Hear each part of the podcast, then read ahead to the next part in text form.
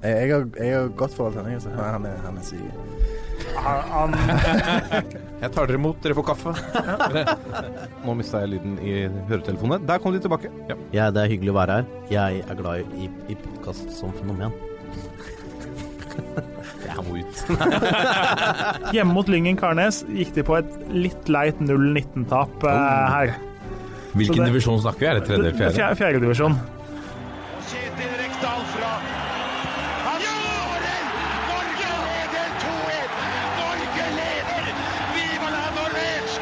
Og der er eh, toppfotball tilbake igjen. Vi er inne i en fantastisk spennende periode med, med spenning i bunn og topp i en rekke ulike divisjoner. Og eh, vi er veldig glad for at du er tilbake. Joakim Bårdsen, velkommen. Jo, tusen takk for det. Kjekt å være tilbake. Hvordan står det til med deg? Nå er det lenge siden vi har sett ditt fjes. Ja, det er et par uker. Det står uh, veldig bra til. Uh, vært en litt eh, travel eh, høst til nå, men eh, mye deilig fotball. Og nå begynner det virkelig å, å dra seg til, så det er kjekt å være tilbake og kunne snakke litt om eh, norsk ball igjen. Ja, for du, du må jo være litt i skyene nå. Dere, ikke bare heier du på Viking, men du er jo så heldig at, eh, at laget du heier på, har den desidert beste spilleren i divisjonen også, ifølge han selv. Ja, jeg så Tommy Høiland uh, uttalte det. det. Det er ikke uventa, det. Han har jo roa seg litt ned og endra litt image de siste åra. Før så skapte han jo en del eh, kontroverser eh, nærmest eh, bevisst. Nå er han jo blitt tobarnsfar og, og tar det litt rolig, men eh, han er frampå litt eh, av og til, og det, det ligger jeg. Ja. Og vi glir veldig lett og ledig videre til deg, Jørgen Kjernås. Velkommen. Takk for det. Har du sett fram til dagens sending? Ja, det har jeg gjort. Det jeg gleder meg. Det er eh, Vi har fått veldig mye tilbakemeldinger på, på eh, Twitter om at eh, dette er noe folk ser fram til. Folk har til og med laget en egen sånn kunst En slags sånn hyllest til, til ukas gjest. Ja, det, det er nydelig. nydelig. Så og- nå, nå hører jeg vi må jo nesten hoppe videre. Ja, men det må vi, må vi absolutt gjøre. For dette er jo, eh, for oss, Joakim, så er jo dette for oss Vi skal jo sitte her og bevitne en breddefotballegende møter et breddefotballeksikon. Hvilke Altså- forventninger har du til dagens sending? Jeg har store forventninger, men jeg føler jo at jeg allerede sitter litt i offside her. Da, sant? Jeg har sånn helt OK eh, peiling på, på norsk eh, breddeball, men i nærheten av de to gutta som sitter til høyre for meg nå, så, så jeg har jeg ikke så mye å stille opp med.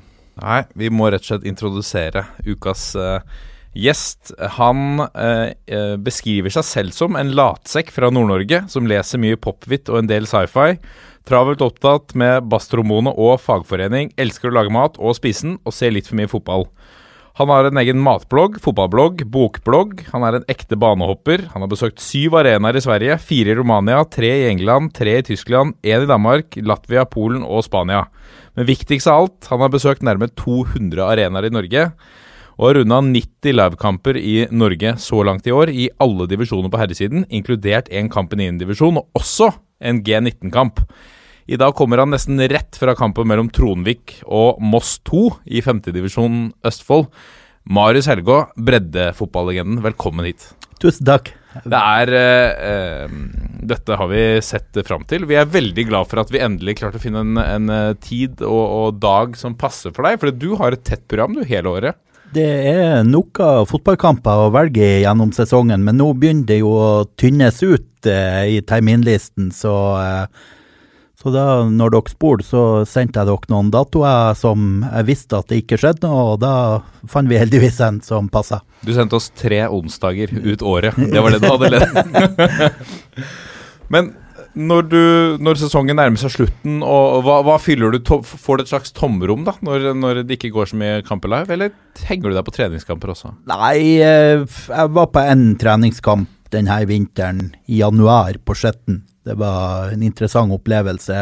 Heldigvis var det en fyr der som hadde en spade jeg kunne låne, så jeg fikk måka meg plass opp på tribunen for å eh, sitte, men så ble det ikke noe mer. eh, Men eh, så litt, men det blir, det blir mer TV-fotball enn det blir resten av året, for da den blir, Jeg ser ikke så mye eh, spansk og italiensk og engelsk og tysk i, i den norske sesongen. Nei. Men eh, nå tar jeg meg tid til det utover. Men Ser du mye kamper på, på TV? Nå, er jo, eh, nå kan man jo se mye på stream osv. også. Er du som Kjernås som har en tre-fire norske kamper oppe på en gang og kikker? Nei, det, det gjør jeg ikke. Det, når det er norske kamper, så finner jeg alltids noe å dra på stadion. Så, eh, så Og så er jeg jo Tromsø-supporter, så det, de Tromsø-kampene som er i Sør-Norge, reiser jeg jo i stor grad på. Men Prioriterer du alltid Tromsø foran et, eh, et breddelag, eller hvis det er et eller annet sånt som du aldri har sett f.eks., er det frister det da å prioritere det foran Tromsø? Nei, det, da prioriterer jeg nok Tromsø ja. hvis det er noe jeg kan se på stadion. Men eh, jeg prioriterer å se eh, breddefotball på stadion over å se eh, Tromsø på TV. Ja, det er ganske Jeg vet ikke om det er så mange som er skrudd sammen akkurat som deg eh, der heller. Men hva Vi har, vi har fått en, en rekke lyttespørsmål som vi selvfølgelig skal kikke på senere. Et av de som går igjen eh, hos mange, som mange lurer på, er hva er det som driver det? Det Jeg tenkte litt over det, og det, det er jo en slags samlemani. Eh, Noen samler frimerker, noen har untapped og registrerer ølmerker, og noen samler fotballbaner. Så I tillegg til selve det sportslige og det som skjer ute på banen, så liker jeg å tenke på det her som en slags Det blir nærmest som et feltarbeid i sosialantropologi. Det er utrolig fascinerende å se på alt det som skjer eh, rundt banen. eh, Og høre på mødrene til de unge lovende som snakker sammen. og Høre de gamle gubbene som har vært på alle kampene i krigen, og alt var bedre før, og det hadde alltid vært. Eh, Det, du har de som spilte på det laget som nesten rykka opp i 1971, og har sola seg i glansen av det siden. Og, og sånn, på hver plass er det en egen sjarm, men samtidig så er det utrolig mye som er likt, enten man er her eller der. og Sånn, og eh, samtidig, jeg setter jo pris på det sportslige òg, det som skjer på banen, eh, sjøl om det ikke er Champions League-nivå. og Så har jeg jo en blogg der jeg skriver litt om det og legger ut bilder. og og det, det merker jeg jo ofte, eller jeg merker det tydelig, og bedre og bedre merker jeg det jo lenger ned i divisjonene man kommer, at uh, spillerne føler seg jo litt som stjerner når det plutselig kommer noen og skriver om kampen deres. og... uh, og tar, tar bilder av dem. Det er jo sjelden aviser dekker fra fjerdedivisjon og nedover så veldig uh, grundig. og Så når de da plutselig finner kampreferat og bilder og kanskje video av noen frekke frisparkvarianter, så da tror jeg nok eh, det garderobepraten eh, stiger noen hakk. Har du, men har du begynt å bli lagt merke til på kampene? At, at, og der er han Nå har han kommet til oss? Eh, ja, litt. Det kommer litt an på eh, klubber som har aktive sosiale medier-kontoer. De legger, legger lettere merke til meg enn andre. Mm. Så eh, Ja, altså, jeg eh, sitter jo her med en oversikt over Marius Helgaas kamper i 2018. Eh, og det som slår meg først, er at det er, med all respekt, rimelig sinnssykt. Men, men, men så er det noen kamper her som jeg liksom forstår veldig godt at du har dratt og sett, som f.eks. Blaker mot uh, Aurskog Høland. Et eh, lokaloppgjør i Akershus som eh, som alle som har fulgt med på, på Blakeren, eh, som de sier her på Østlandet, eh, har fått med seg. Men så er det sånne andre kamper, da, som Skjetten 4 mot Bøn. Hvorfor drar man seg den kampen? det var det som pass... Det gjorde at den fredagskvelden rakk jeg å se to kamper. Okay. Jeg gikk glipp av de første ti minuttene av kamp nummer to, men da var jeg først eh, på det stavbanen på Skjetten og så eh, den eh, Skjetten 4 mot Bøen. Og så, eh, når den var ferdig, så heiv jeg meg i bilen og kjørte til Fjellhamar og så eh, Fjellhamar 3 spilt eh, kamp rett etterpå. Så da fikk jeg to kryss i Ja, jeg skjønner, jeg skjønner. Ja, herlig. Men Du nevnte før vi gikk i studio her også at det var noen som var kritiske til nivået da de, du hadde vært på en Skjetten 4-kamp. Eh, Det var ikke jeg sjøl som var der, men jeg hørte eh, referert det var en som hadde vært og sett eh, Skjetten 4, og da var Hvilken divisjon er dette? Uh, Skjetten 4 spiller i 9. divisjon Akershus. Det er det laveste nivået som finnes i norsk fotball. Og da hadde det vært en eh, gubbe der som ikke hadde fått med seg at det her var fjerdelaget til Skjetten, så han har stått der og vært eh, fortvila, for han har aldri sett Skjetten-laget ha hatt så dårlig nivå før. Og det er veldig, veldig bra. Hvilken divisjon ligger Skjetten i nå, eh, Kjernas? Eh, A-laget er jo i tredje divisjon. De berga jo plassen. Men det er jo et lag hvor det er litt kaos. Hvor det er litt uh, telles på knappene. og Så lokalfotballbloggen skrev at uh, spillerne hadde plutselig nå fått regning på 6500 for uh, en treningsleir før uh, sesongen, som skulle vært gratis. da. Til og med spillere som ikke hadde vært på treningsleiren, hadde fått regning. Og da, så det virker som en klubb som er litt i ka kaotiske tilstander, og hvor treneren teller på knappene, og sportslig leder skal slutte, og daglig leder er sykemeldte. Så det, det, er jo en gigantisk breddeklubb med masse aldersbestemte lag nedover, men så er det jo litt den der klassiske hvor mye skal vi bruke på A-lag kontra bredden. da. Det er jo en diskusjon mange, mange klubber har veldig ofte. Men du, du, snakker om å samle på fotballbaner, eller fotballarenaer, altså besøk der. Er det, er det, alltid en ny arena som driver deg, eller, eller er det fått sett en, en, de kampene live som er liksom det, det, du på en måte samler på? Det er egentlig begge delene. Jeg har Det hender stadig at, at jeg drar på kamper, sjøl om jeg har har vært på det stadionet før. F.eks. Uh, Joakim nevnte den Blakker uh, Aurskog-Høland ved Blakker sin stadion på Bruvollen. Der har jeg vært en tre-fire gang. Så Så det trenger ikke være en ny stadion hver gang? Nei da. Hva har du å si til de som, som uh, Det er jo en uh, Dessverre, altså det var så mye bedre før. Uh, dagens ungdom som ikke klarer å verdsette norsk fotball, som snakker om at Norsk fotball er så lavt nivå at de gidder ikke, fordi vi heller ser på Barcelona og, og Manchester City. Hva har, du, hva har, du, å si til de? Når, hva, hva, er det de går glipp av når de ikke drar og ser på det lokale fotballaget? Nei, jeg, jeg syns jo det er synd. De går glipp av noe. Altså, det er Det er noe eget å se uh, han, han du vet at var en ramp uh, i nabogata, skår og og du kan eh, fly litt, godt litt ekstra når du ser han du eh, ikke hært trynet på på ungdomsskolen, eh, plutselig blåser et frispark 40 meter over mål på det lokale laget ditt.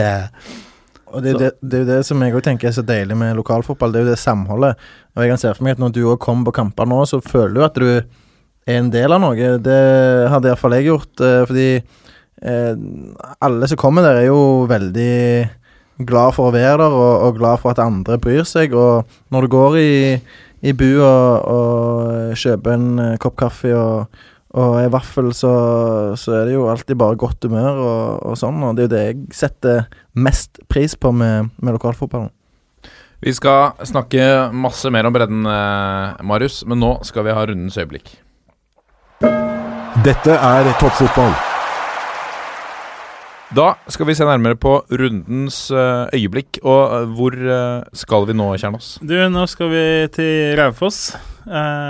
vi hadde jo nest siste runde i annen og tredje divisjon den helga som var. Raufoss rykka jo opp, så øyeblikket er jo egentlig opprykket. de starta jo, møtte Fram Larvik hjemme. Starta jo, de skårte etter rundt 50 sekunder. Og altså litt nerver. Du er litt spent før en sånn match. Start med goal etter 50 sekund, Altså for en start, da. Eh, så scorer de igjen før det er spilt ni minutter, leder 2-0. Eh, og da tenker man jo Det her ser jo ut som det skal bli 10-0, for det Fram var ikke påskrudd i det hele tatt, og det skal være en nivåforskjell, og Fram har ingenting å spille for. Uh, og så henter Fram seg på merkelig vis inn igjen i kampen da, og utligner til 2-2 på straffe med 6-7 minutter igjen. Eh, litt mer var det kanskje, men da tenker man liksom ah, Tenk å være Raufoss-supporter, da. Nå, du har gjort deg klar til å feire, og etter nye minutter så ser du for deg seieren, og Fredrikstad er i ferd med å rote bort poeng sånn at det blir klart i dag. Eh, men så kommer jo da 3-2-målet, og det er en litt sånn merkelig variant hvor da etter en corner så er det en som står i retterommet, og så smeller til da når ballen kommer. Så er det jo 15-16 spillere mellom han og målet, og skuddet er ikke veldig godt i seg selv. Eh, men keeper regner jo da med at en eller annen kommer til å touche ballen. Det skjer jo ikke, så ballen går jo da inn, om ikke midt i mål, så i hvert fall godt innafor hva en keeper eh, ville redda Hvis det ikke var noen mellom han og skuddet, da. Ja, ja. Eh, sniker seg inn. Raufoss vinner 3-2. Fredrikstad kun 0-0 bort mot Grorud. Og Raufoss tar da følge med Skeid opp i Obos-ligaen. Sterkt. Um, det blir eh, spennende å se om, om, eh, om de finner ut av det i- på Raufoss igjen. Er dette starten? Skal de liksom klare å etablere seg på, i førstedivisjon igjen? Altså, Ja, det er et veldig ungt lag de rykker opp med. Det er veldig mange som er akkurat fylt 20, er et par og 20 på det laget. Så eh, de kommer jo til å forsterke i løpet av vinteren. Det gjør de. Eh, bra lag med mye kvalitet, og så har de på en måte snudd etter å ha rykka ned. da. Så har de gjort kloke signeringer og bygd litt stein på stein. Vært gode på å få tak i de gode lokalt og henta inn gode spillere utenfra. Og så tydeligvis fulgt med nøye, de òg, for de har henta en del fra tredjedivisjonen, annet. Så, eh, men det er klart det kreves litt mer da i Obos, så de må bruke litt eh, ammunisjonskroner eh, i vinter. Ja. Joakim Bårdsen, kan jeg gjette at vi skal eh, til Rogaland fylke når eh, vi tar for oss ditt eh, øyeblikk? Ja, på sett og vis, men uh, dette var noe som skjedde på Color Line stadion i Ålesund. Uh, Selvfølgelig. Da uh, Viking var på besøk der tirsdag kveld til dette toppoppgjøret, som var vinn eller forsvinn for Viking i kampen om direkte opprykk. De måtte vinne. Og eh, det gjorde de etter en eh, meget sterk prestasjon med et eh, skadeskutt og et lag som mangla sentrale spillere pga. Suspensjoner. Så reiste de opp der og leverte en en prestasjon som skapte begeistring i Stavanger, og som gjør at det nå er det fullt liv i opprykkskampen mellom eh, Mjøndalen, Ålesund og Viking. Med tre kamper igjen så er det nå bare to poeng som skiller Mjøndalen på første til Viking på tredje. Og det skyldes eh, i stor grad Tommy Høiland, som eh, eh, satte inn to nye mål. Toppskårer nå med 18 nettkjenninger i førstedivisjon. Begge meget eh, gode prestasjoner.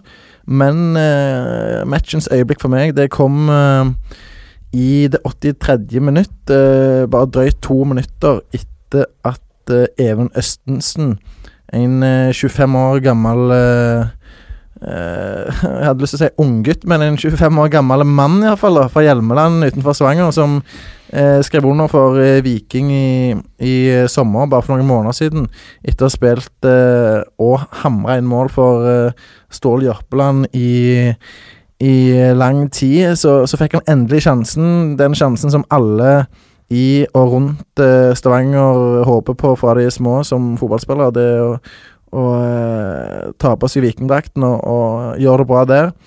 Kommer inn og bruker som sagt bare drøyt to minutter på å dunke inn 3-1, sitt første vikingmål. Og eh, sette spikeren i Ålesundkista, noe som eh, sørget for at Viking da har eh, muligheten til å rykke direkte opp. Eh, og, og den skåringen der eh, er så viktig, og så er det så herlig å se eh, en type som Even Østensen gjør det, da. En som det betyr så utrolig mye for. Ja. Magiske øyeblikk. Marius Helgå, har har du plukket ut noe? Jeg, på lørdag var jeg og så eh, kampen mellom eh, Skedsmo og eh, Bjørnevatn. Og jeg vil egentlig si at oppvarminga til Bjørnevatn var et lite rundens øyeblikk for meg. Okay. For det her var jo to lag som begge hadde røkka ned i forkant av kampen, og kampen var sånn sett et pliktløp. Men det var likevel møtt fram en god del bortesupportere, da hovedsakelig finnmarkinger som bor på Østlandet. Og eh, for å hylle dem, så varma Bjørnevatn opp. Eh, samtlige spillere hadde trøye med nummer tolv på brøstet for å hylle den tolvte mannen, og det Sånt gjør meg varm om hjertet, rett og slett. Så det var rundens øyeblikk for meg. Ja, det, det skjønner jeg veldig godt. Stort. Hvilken divisjon er det? Tredje, eller? Tredjedivisjon avdeling to er det vel. Fantastisk. Jeg uh, er nødt til å plukke ut uh, det, sto mellom eh, Felipe Carvalhos piruett som midtstopper på, hjemme mot Intility. eh, som jo ikke gikk i Vålerengas vei eh, overhodet. Men, men akkurat den piruetten var eh, Det er frekk. Det er veldig frekk. Og det, det, jeg husker i de millisekundene før han går i den duellen, så tenkte jeg at hva gjør du nå? Hvordan skal du vinne denne? Og så kommer det mest uventa, og det mest effektive han kunne gjøre, var en Zidane-piruett. Det var helt nydelig. Det er sånn du gjør når du midtstopper fra Uruguay. Ja, absolutt. absolutt. Johan Tollås Nation hadde nok ikke dratt den etterpå. Men jeg skal uh, istedenfor det så skal jeg ta uh, Start sin frisparkvariant. Fordi for meg så var det Ikke bare er det genialt, men det viser en, en slags lekenhet i det laget som, som kanskje har blitt uh, jeg, jeg, klarer ikke helt å se at de uh, hadde disket opp med noe sånt, da.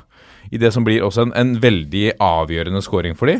Uh, før Kjetil Rekdal kom inn.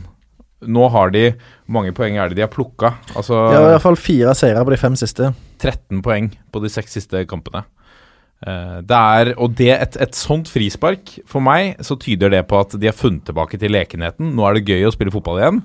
Og, og altså, tidvis makrellfotballen kanskje er på vei tilbake. Nå, nå begynner det å klatre oppover, oppover på tabellen. Krisen er på vei til å, å passere litt i Kristiansand, og, og, det frisparket for meg var et sånn symbol på at ok, nå er gleden tilbake igjen. Krisestemninga er borte.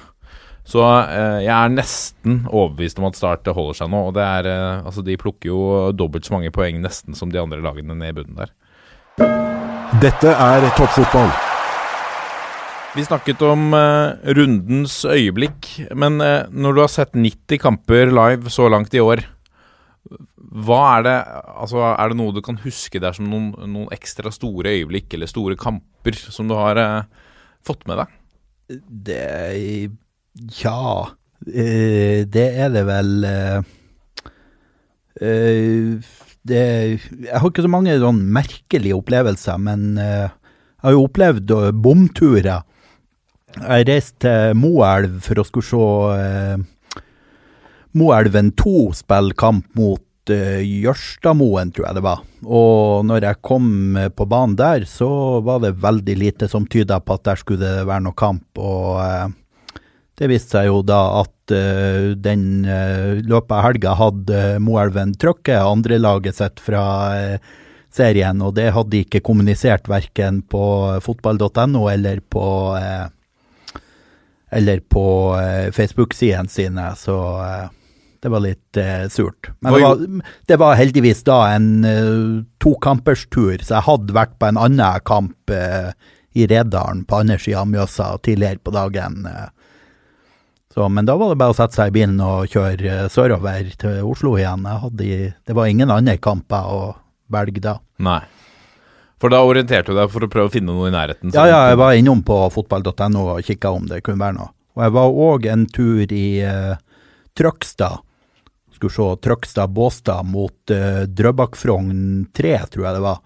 Og uh, der var det bortelaget som hadde uh, gitt beskjed tidligere på dagen at de ikke kunne komme. Og det hadde da Trøgstad skrevet på Facebook-sida si ca. idet jeg passerte Fettsund. og jeg er fornuftig nok til ikke sjekke Facebook mens jeg kjører bil, så det fant jeg ikke ut før jeg var kommet fram. Men da rakk jeg akkurat tilbake til Lillestrøm og få sett eh, en kamp eh, der.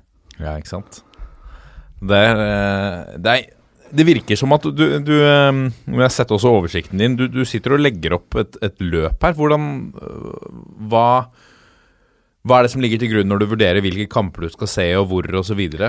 Planlegger du hele sesongen av gangen? Nei, det gjør jeg ikke. Det, I uh, juni planla jeg nesten hele måneden, sånn, for da vil jeg prøve å få flest mulig nye baner og, og uh, få sett mest mulig kamper. Da lander jeg vel på 21 kamper.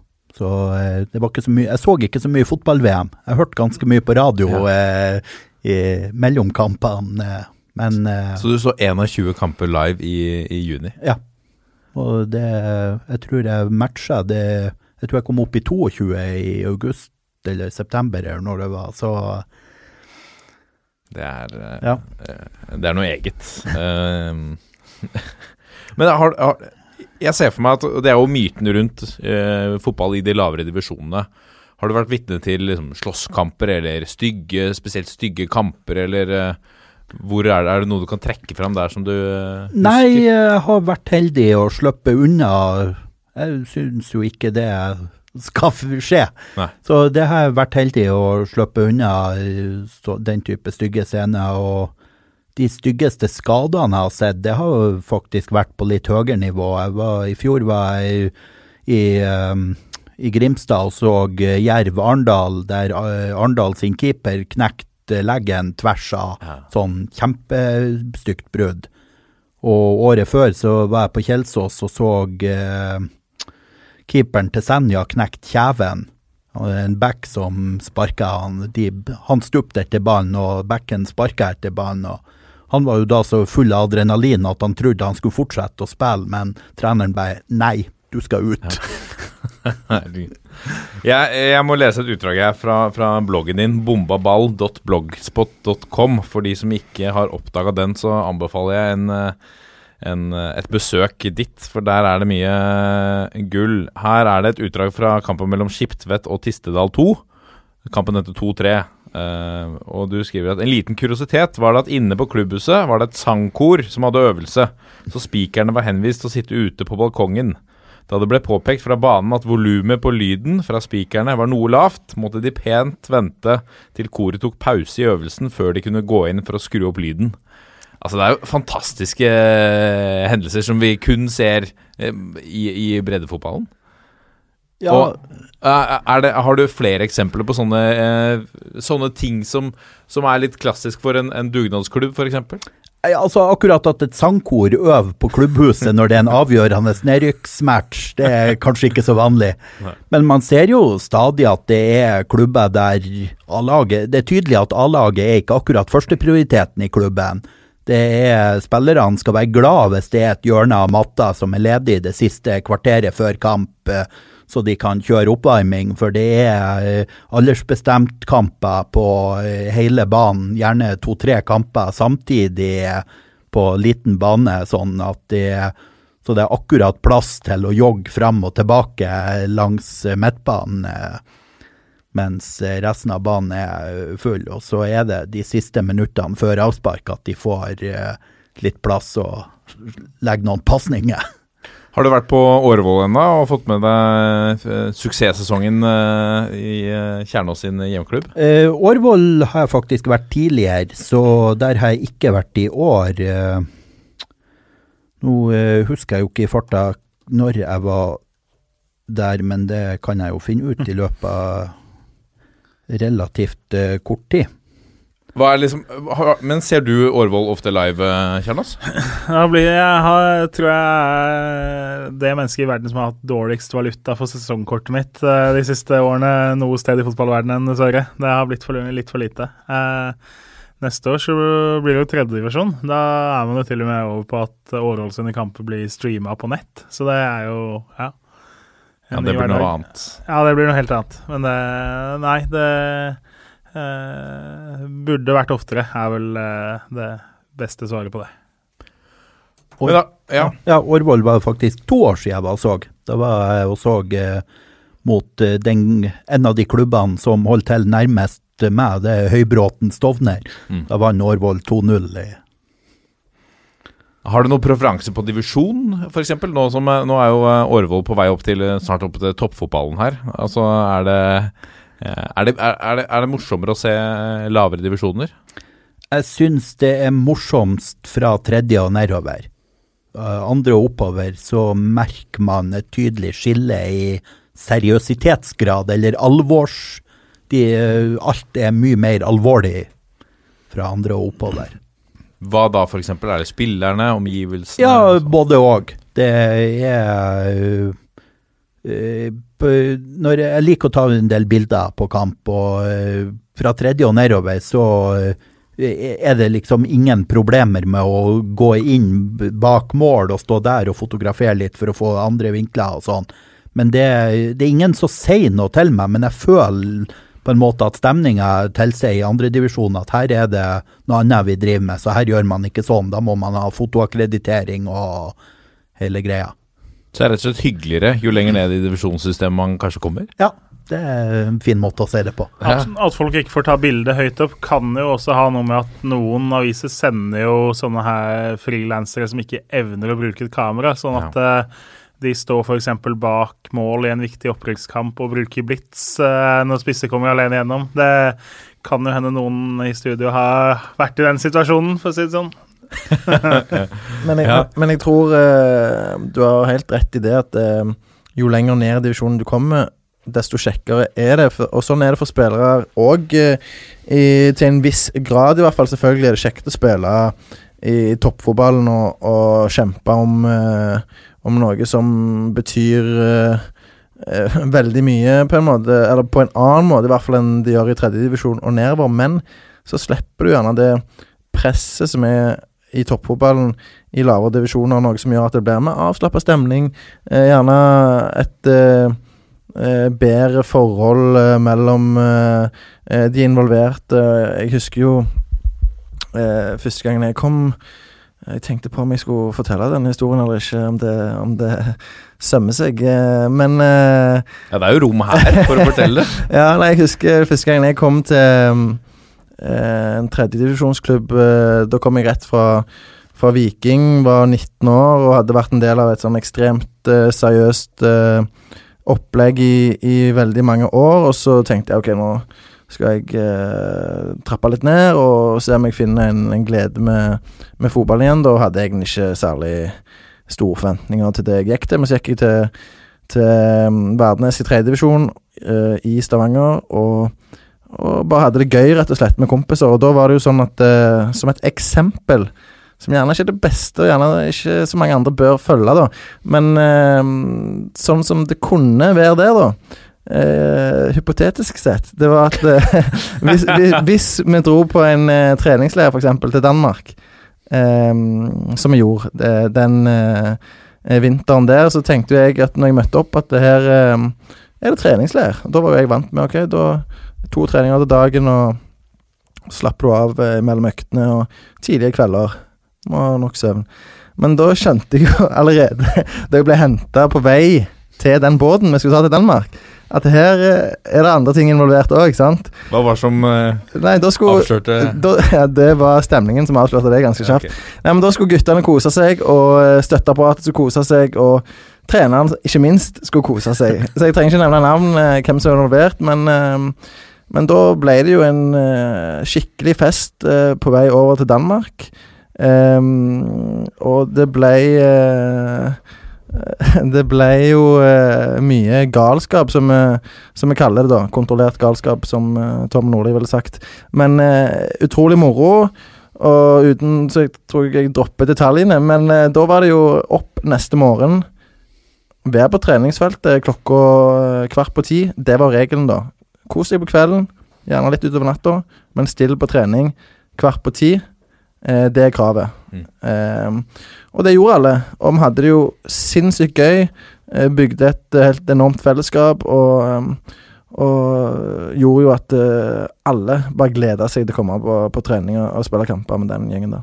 Og det er vel noe med at man der, ja, selv om kanskje den fysiske treninga hadde vært bedre om dere ikke hadde vært ute dagen før Men Så- nå skal jeg jeg, jeg sier én ting. På den ene treninga der, dagen derpå, der vi har vært ute ganske lenge Jeg tror aldri jeg har skåret et så fint mål som jeg gjorde fem minutter ut i den uh, spillsekvensen der, så Ellers var det gjerne ikke så bra nivå, det jeg, men ja, akkurat det, det, det minnet det har jeg. Men du skal, man skal ikke se bort fra at, eh, at eh, sånne typer Altså de sosiale tingene. Nei. Og når man uh, Altså, jeg kjenner jo bare glad av å snakke om det nå, Ja. og det er jo noe av de Av den lykkeligste perioden jeg har hatt, på en måte, er jo den perioden der der bare fellesskapet er helt vilt, og alle er så eh, bra folk, og, og det er så god stemning. Og grunnen til at det blir det, det er jo fordi at det, det er tredjedivisjon, og da eh, sånn, Du finner jo de ekstremt seriøse klubbene òg, da. Men det som er unikt med Verdnes, og, og var unikt da, det var at eh, du fikk frihet under eget ansvar, og eh, det funka veldig bra der. Ja. Eh, bare, der kom du inn på noe som jeg tenkte jeg skulle si.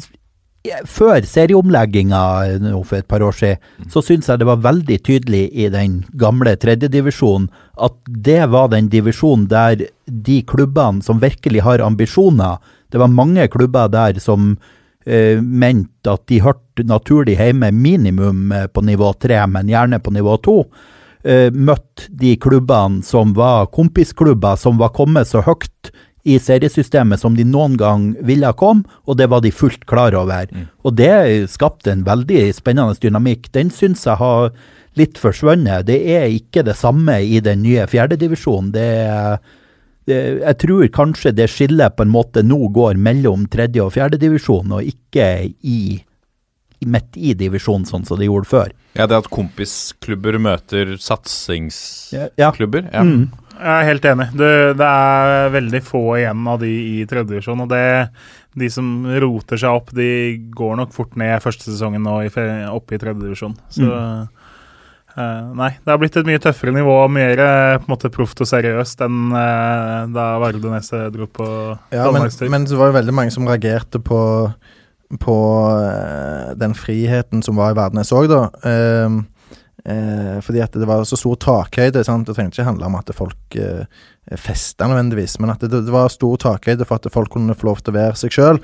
enten om det innebar at de måtte prioritere jobb enkelte ganger, eller at de, de ga beskjed til treneren at nå kjenner jeg på det hjemme at jeg tror faktisk jeg må prioritere damer i kveld overfor trening, på en måte. Sånn. Eh, sånn kunne det faktisk være, da. Men når folk eh, stilte jo på trening eh, eh, så ofte de kunne, og, og da var det eh, dønn seriøst, og du trente beinhardt, og eh, når, vi lag, når, vi, når jeg er først inne på det laget, så var vi et lag som eh, jobbet steinhardt for hverandre, sant? og gjorde det veldig bra i serien. Sant? Så eh, det, det ja, det var i hvert fall et godt eksempel for meg på, på hva et godt eh, samhold kan føre til. Ja, og hvis det går bra på banen, så er det vel ikke noe veien for å ta en liten leir istedenfor en, en, en treningsleir, Ja, vi hadde- hadde leir både vinter og sommer siden. ja. Um, Marius, du har etablert en, en egen hashtag eh, som heter breddesnadder. Eh, hva, hva er det for noe?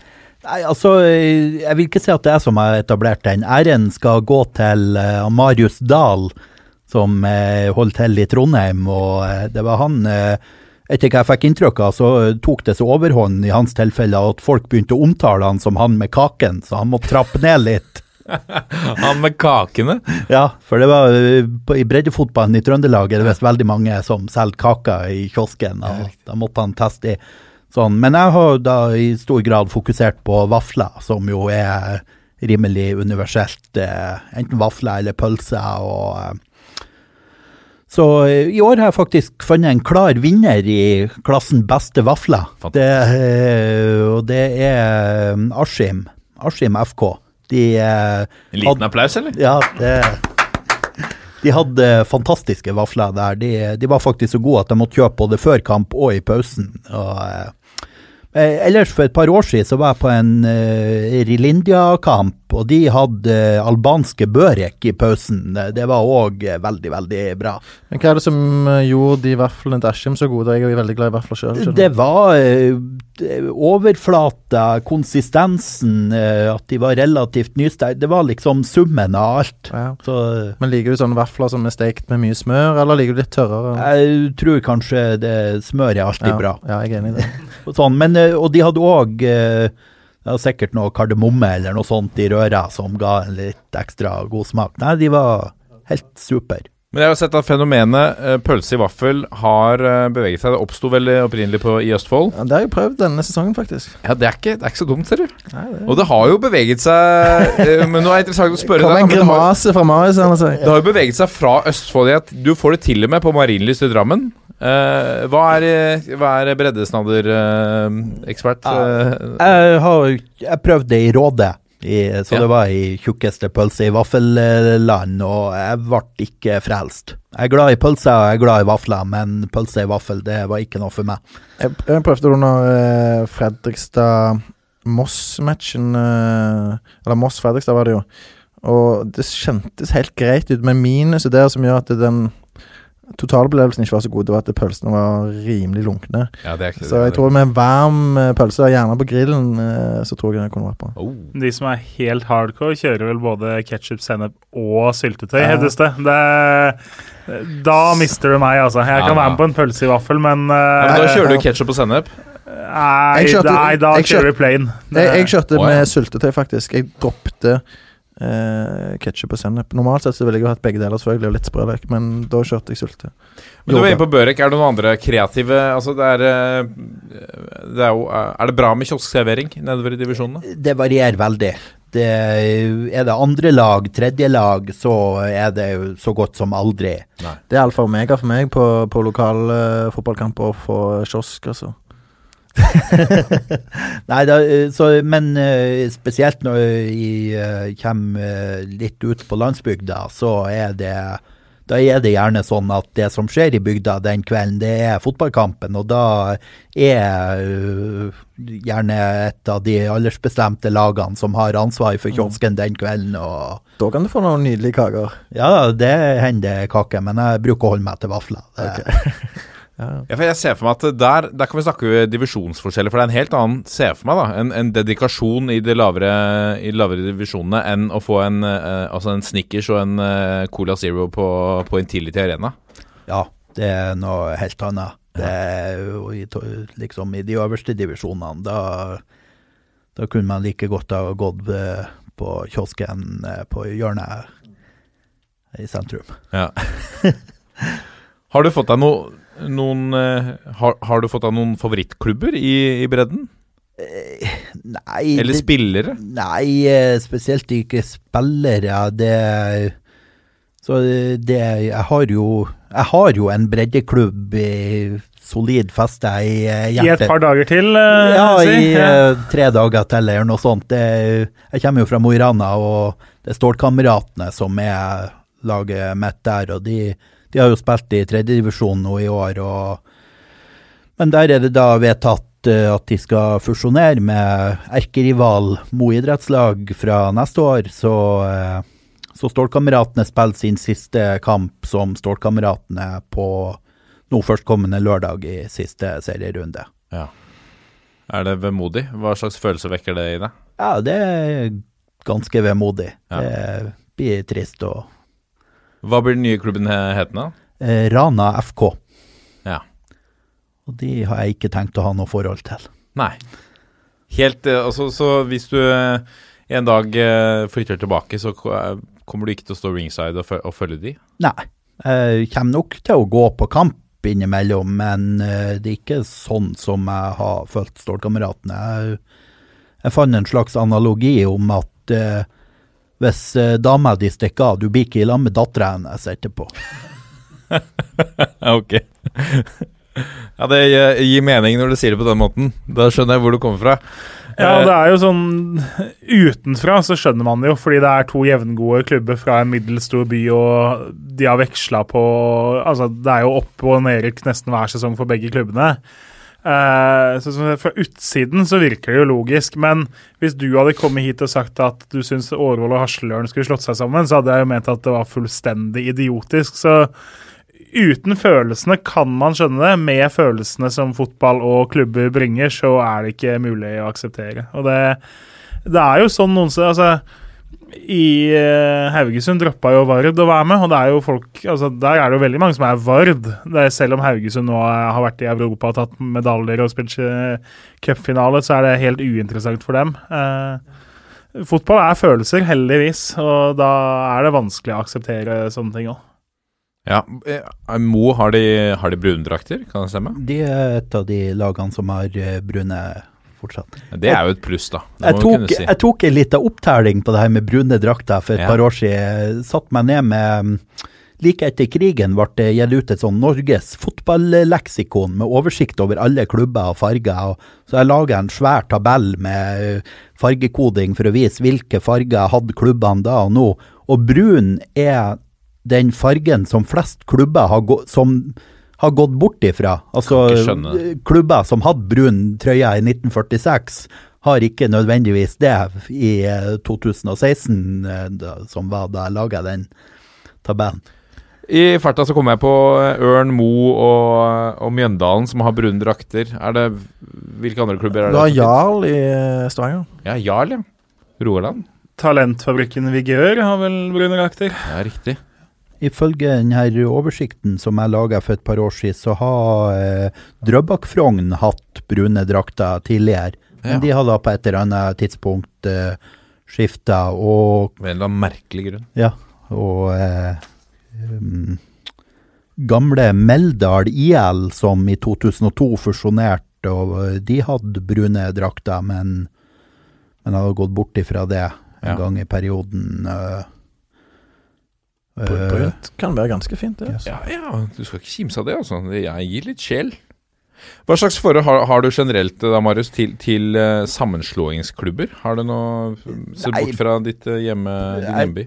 Generelt så tenker jeg ikke noe over det. Det er, er helt, det er helt sikkert grunner til at det har skjedd. Det er, hjemme syns jeg prosessen i litt for stor grad var drevet av lokalavisen.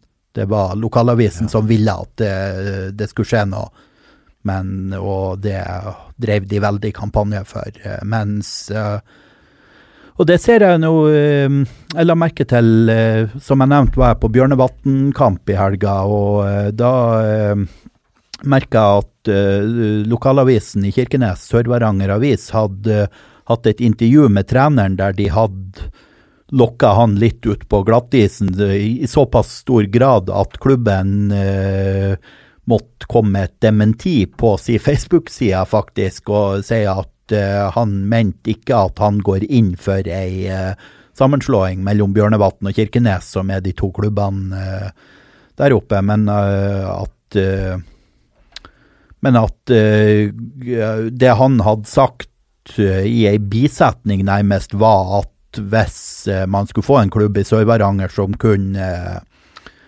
som kunne etablere seg høyere eh, enn eh, fjerdedivisjon, så var man nødt til å gjøre noe sånn, og det hadde avisen tatt, tatt for alt det var verdt og brukt. Så, eh, så eh, det virker litt på meg, uten at jeg leser Sør-Varanger Avis fast, som om de òg er ute etter at de, de kan prøve å få noe eh, effekt ut av det, ei sammenslåing der. Ja, skjønner. Vi, vi nærmer oss en, uh, slutten på en lang eh, sesong i norsk fotball i mange divisjoner. Hva er hva har vært de, de største høydepunktene og skuffelsene for deg hvis du ser på norsk fotball under ett da, i år? Nei, jeg syns jo det Noe av det morsomste som er i hele, det er jo at opprykket fra tredjedivisjon avdeling seks nå blir avgjort i siste serierunde. De, eh, Frigg og Senja møtes på lørdag, og det er så enkelt at vinner Senja, rykker de opp. Hvis Senja ikke vinner, så rykker Frigg opp, for de har betydelig bedre målforskjell. så det, jeg syns det er helt suverent, og man kan jo undres på om den som laga serieoppsettet var synsk, eller eh, Stemmer ja, det, det, Kjernos? ja, ja, Om de er så synske, vet jeg ikke. Men det, vi har jo i tillegg samme avdeling fire i bergensområdet, hvor eh, eh, Sotra hjemme mot Fyllingsdalen rykker opp med, hvis de tar poeng, og Fyllingsdalen tar opprykket hvis de eh, vinner kampen. Så vi har jo faktisk to rene seriefinaler da, i tredje divisjon. Det er ganske utrolig å få til, egentlig. Det er jo en, det er, må være en drøm for, for, for, for klubbene og for interessen, og for oss hvis man har satt opp Ja, ja, oppsettet, ja. at det matcher eh, sånn. Sotra Fyllingsdalen, der er vil jo på en måte trekke alle som er breddeinteresserte i bergensområdet. Det er klart, Frigg eh, drar vel ikke med seg vanvittig mengde med tilskuere oppover, men det, for Senja er det jo en gedigen kamp, og for alle oss som på en måte ikke har noe eh, som liker alle lag der nede, stort sett, så er det jo to nydelige kamper, da. Ja. Eh, ja, rett og slett. Har du noe, en norsk eh, favorittspiller da, gjennom tidene? Eh, Nei eh, Du er bare opptatt ikke. av lag, du. Ja, i stor grad. Altså, enkeltspillere, det er jo eh, eh, Som Tromsø-supporter så kommer jeg jo ikke ut av om eh, Sigurd Rushfeldt. Nei.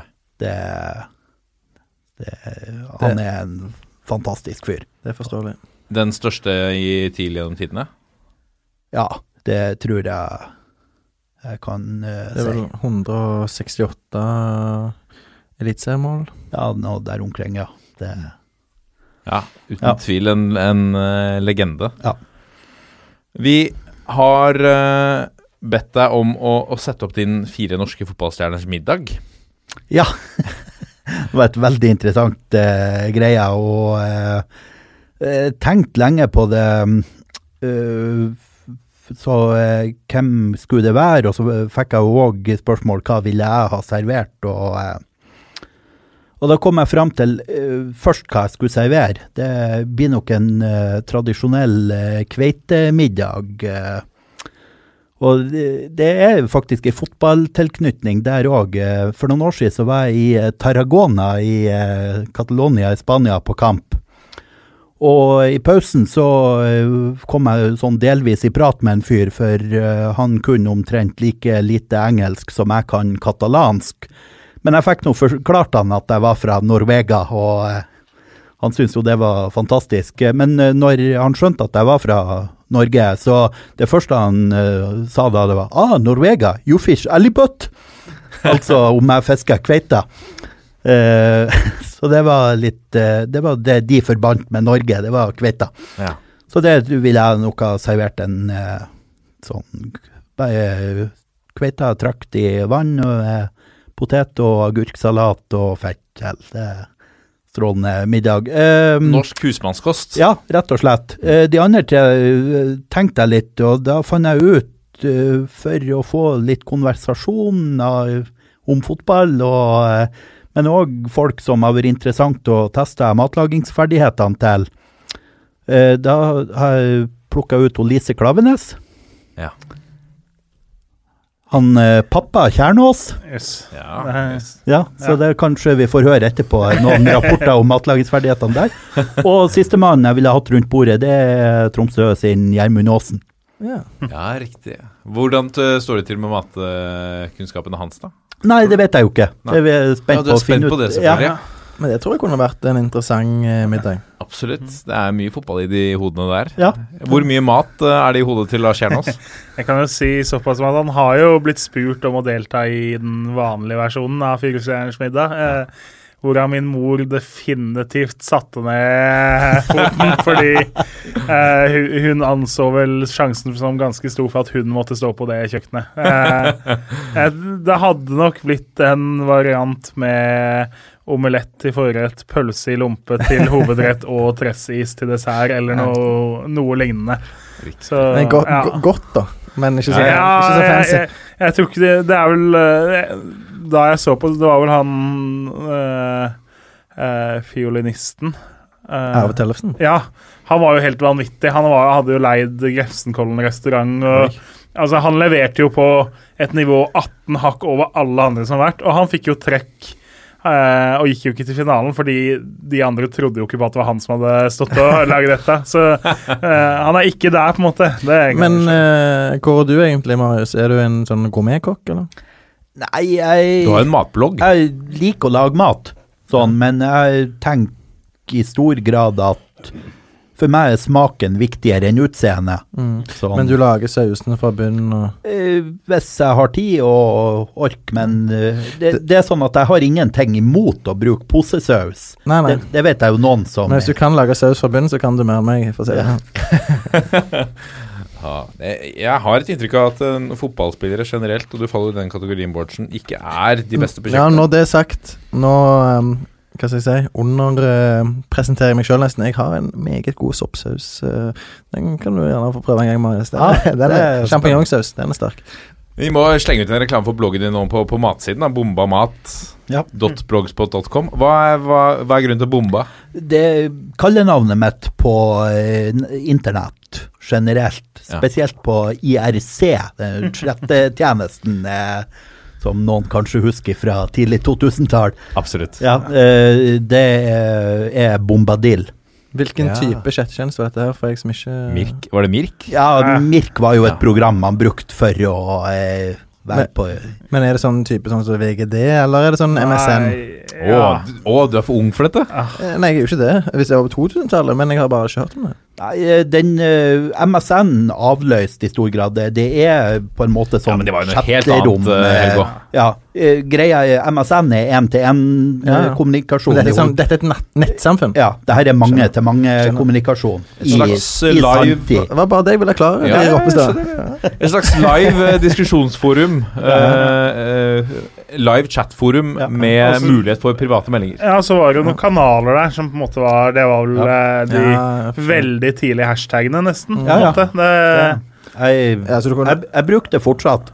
Det er den uh, norske kanalen for Manchester United-supportere lever i beste velgående. Ja, Vi, vi er kanskje bare sju som er aktive brukere der, men eh, irc.homelien.no husker jeg veldig godt. ja, Hva er, den og, og Homelien har blitt et eller annet eh, stort eh, Jeg mener han er eh, en av grunnleggerne bak Powertech, kan det ja, stemme? Powertech, og han solgte seg ut derifra for et par år siden. Og, Nå er det veldig digresjon, men, Ja. men uh, det er fortsatt en fotballpodkast. Men jeg må komme med en oppfordring til, og det er søk opp Powertech og Tande P på YouTube, så får dere sett både noe av det beste og noe av det flaueste i norsk TV-historie. Dette er toppfotball. Og så har vi fått inn en haug av lyttespørsmål, og vi har hatt masse gode gjester i dette studio, og mange store navn.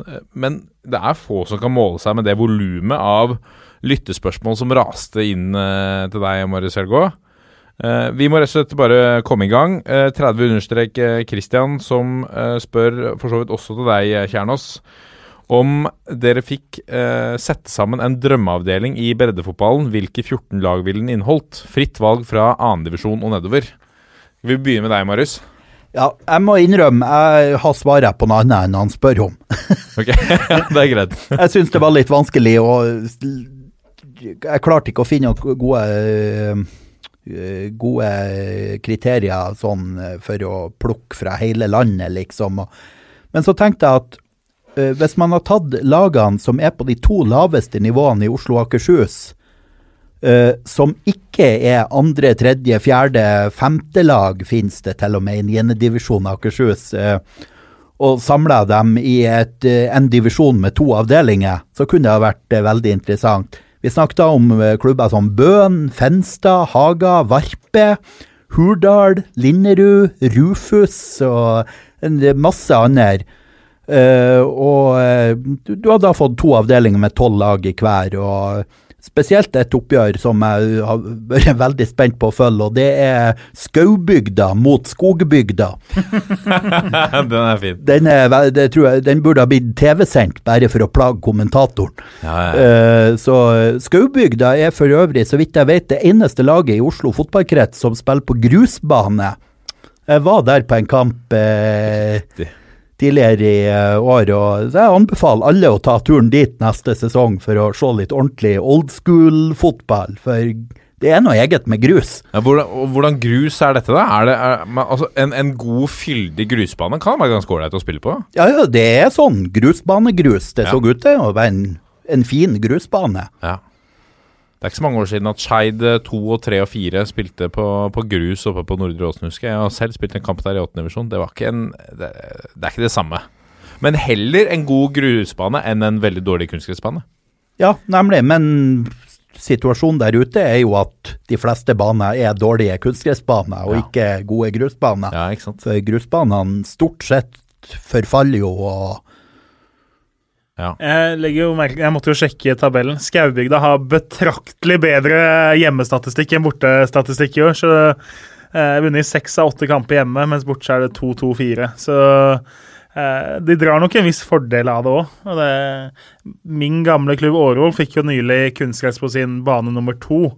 Den var jo grus fram til ganske nylig. Eh, jeg har spilt masse kamper der, og det eh, Ja, man satte jo pris på det da òg. Og som du sier, det er mye bedre enn de eldste kunstgressbanene. De, en tørr kunstgressbane er fryktelig. Og på vinteren glatt og hard og Ja. Eh, Kjernås, har du satt opp en eh, drømmeavdeling? Jeg har prøvd å sette opp en drømmeavdeling. Eh, Årvoll må med. Eh, Hønefoss får ikke komme med. De hører ikke hjemme når det egentlig er en breddefotballavdeling. Da De hører egentlig til høyere opp da, i mitt hode. Ja. Eh, Fett, hvor jeg bor, eh, må få lov til å være med. Sandnessjøen, som da er min si, mors sides eh, klubb fra lenge av, eh, får lov til å være med. Nå må jeg jo si nå et, Jeg er jo vanligvis ikke veldig tilhenger av veldig mye reising i breddefotballen. Eh, akkurat i denne avdelinga så har jeg gitt litt F i det. Eh, Nardo og Strindheim har fått komme fra Trondheim fordi det var mine lokalklubber i en del år, eh, begge to. Jeg var mye og så kamper begge steder. NTNUI får komme fra Trondheim som definisjonen på det vi snakka om med kompislag i tredjedivisjon før, da. Eh, som jo satte sin ære i å ikke ha like farge på verken strømper eller shorts. Eh, skal jeg helst ha 22 forskjellige strømpefarger og 11 shortsfarger i løpet av kampen. Da, så sjarmerende sånn sett. Og med NTNUI også så har de et ekstremtilfelle. når det er, de spiller jo, Der er det en stor del av, av spillerstallen som er studenter. så Når de reiser hjem, så stiller de ofte med, med Gud og hvermann. Ja, De har jo stilt både med ti spillere, de har stilt med kvinnelige spillere, de har stilt med En? Spillere fra salsa og fallskjermavdelingen, var det vel omtrent. Det verste er at det her er vel ikke overdrivelse engang. Det, og det eh, Et sånt lag må få være med. Ja. Eh, Stord kommer med. Jeg burde vel kanskje hatt med et lag fra Bømlo, fordi eh, kona er fra Bømlo, da kan man Veldig se familiært styrt, denne ja, avdelingen. kan man se et par kamper eh, mens man er på ferie der, men da jeg innser jo nå at når jeg kunne velge fritt, så får vi dytte inn Bremnes istedenfor Stord. Eh, sånn at familiefreden blir vel bevart òg. Eh, Lyn og Fredrikstad får lov til å komme med for å skape litt blest om avdelinga, rett og slett. De to største klubbene som nå spiller 2. divisjon og nedover. Kan jeg da smette inn at jeg syns det er litt merkelig at jeg velger bort Hønefoss og velger inn eh, Ja, men det her, Fredrikstad? ja, men det her er jo min jeg vil jo, I min drømmebreddeavdeling så er det jo ikke Hønefoss, fordi eh, de håper jeg jo kommer høyere, mens Fredrikstad, ja, de kan få være der. Mer Så du unner verken Lyn eller Fredrikstad å jo, da, opp? jo, men noen må jo rykke opp herfra òg, så Ja. de får kjempe om opprykket. Eh, Merkantil har fått komme med. En Mm. god, gammeldags retroklubb fra Oslo. Eh, spiller på en litt bortgjemt bane, som mange oppdager i forbindelse med Norway Cup. Eh, Tvitrer da på holdt på å si, sånn som man ville tvitra for 100 år siden, eh, hvis Twitter fantes, med veldig gammeldags norsk. Eh, en klubb faren min har trent back in the days, eh, osv. Så, videre. så de fikk komme da, som litt sånn retropreg. Idyllisk eh, bane for øvrig, nede ved elva Det er vel en elv som renner der også? Ja, de er jo nede ved, ved, ved, Estensjø Ja. eh, der. Så eh, en fin og litt annerledes breddeklubb, da. Så skrev jeg, Da jeg satte opp, så tenkte jeg at 30 Christian må jo få lov til å bli engasjert i avdelinga. Så eh, egentlig skrev jeg tilfeldig Stavanger-lag. Eh, men så tenkte jeg jo etterpå at eh, Joakims gamle klubb Vardeneset har jo kanskje, eller trolig, de beste kampreferatene, i hvert fall i tredjedivisjon. Ja, Morten Vadla, eh, som spiller sjøl, som står for de. En eh, legendarisk Ja, eh, type. Så de får, får den Stavanger-kvoteplassen på referatene. Uavhengig av referatene så fortjener de den plassen, skal jeg si deg. Ja, du kan, vi kan si det. Og så begynte jeg å eh, da, Nå er vi på 11. Eh, skade får komme rett og slett pga. navnet, og fordi vi har tøysa litt med det i løpet av høsten. Eh, så Nøtterøy fikk lov til å komme, rett og slett fordi av alle lag, over 600 lag som har vært oppe i tredjedivisjon dette årtusenet, så har de gjort det dårligst. De tok ett poeng eh, på sine 22 kamper og tapte resten med en helt håpløs målforskjell. Så eh, sånn at mine De lagene jeg er glad i i avdelinga, har noen å slå, da. Så da ble det Nøtterøy. Eh, siste lag, da var jeg så tom at jeg satt på maratontabellen og tok liksom opp og ned, for det ble Skånland. Eh, Skånland, ja. De fikk wildcardet. Lotteriplassen gikk til Skånland. Har du sett eh, Skånland, eh, Helga? Det har jeg ikke, men jeg har jo sett Tom Høgli, som er fra Skånland, Mm, ja. så eh, Det lover godt. Og han legger jo Så de får plassen hvis han blir spillende trener, da, kan vi vel si. Ja, riktig. Eh, Så det ble en sammenraska avdeling med ekstremt mye flyreiser. Det er klart at uh, innser jo at uh, Sandnessjøen mot eh, NTNUI eller Nøtterøy mot Skånland ikke er kamper som økonomisk og sportslig kan forsvares, men uh, godt blanda dropsplay. Uh, Widerøe blir nok å sende i Videre, det heter Widerøe-avdelinga, det er det. Det gjør det.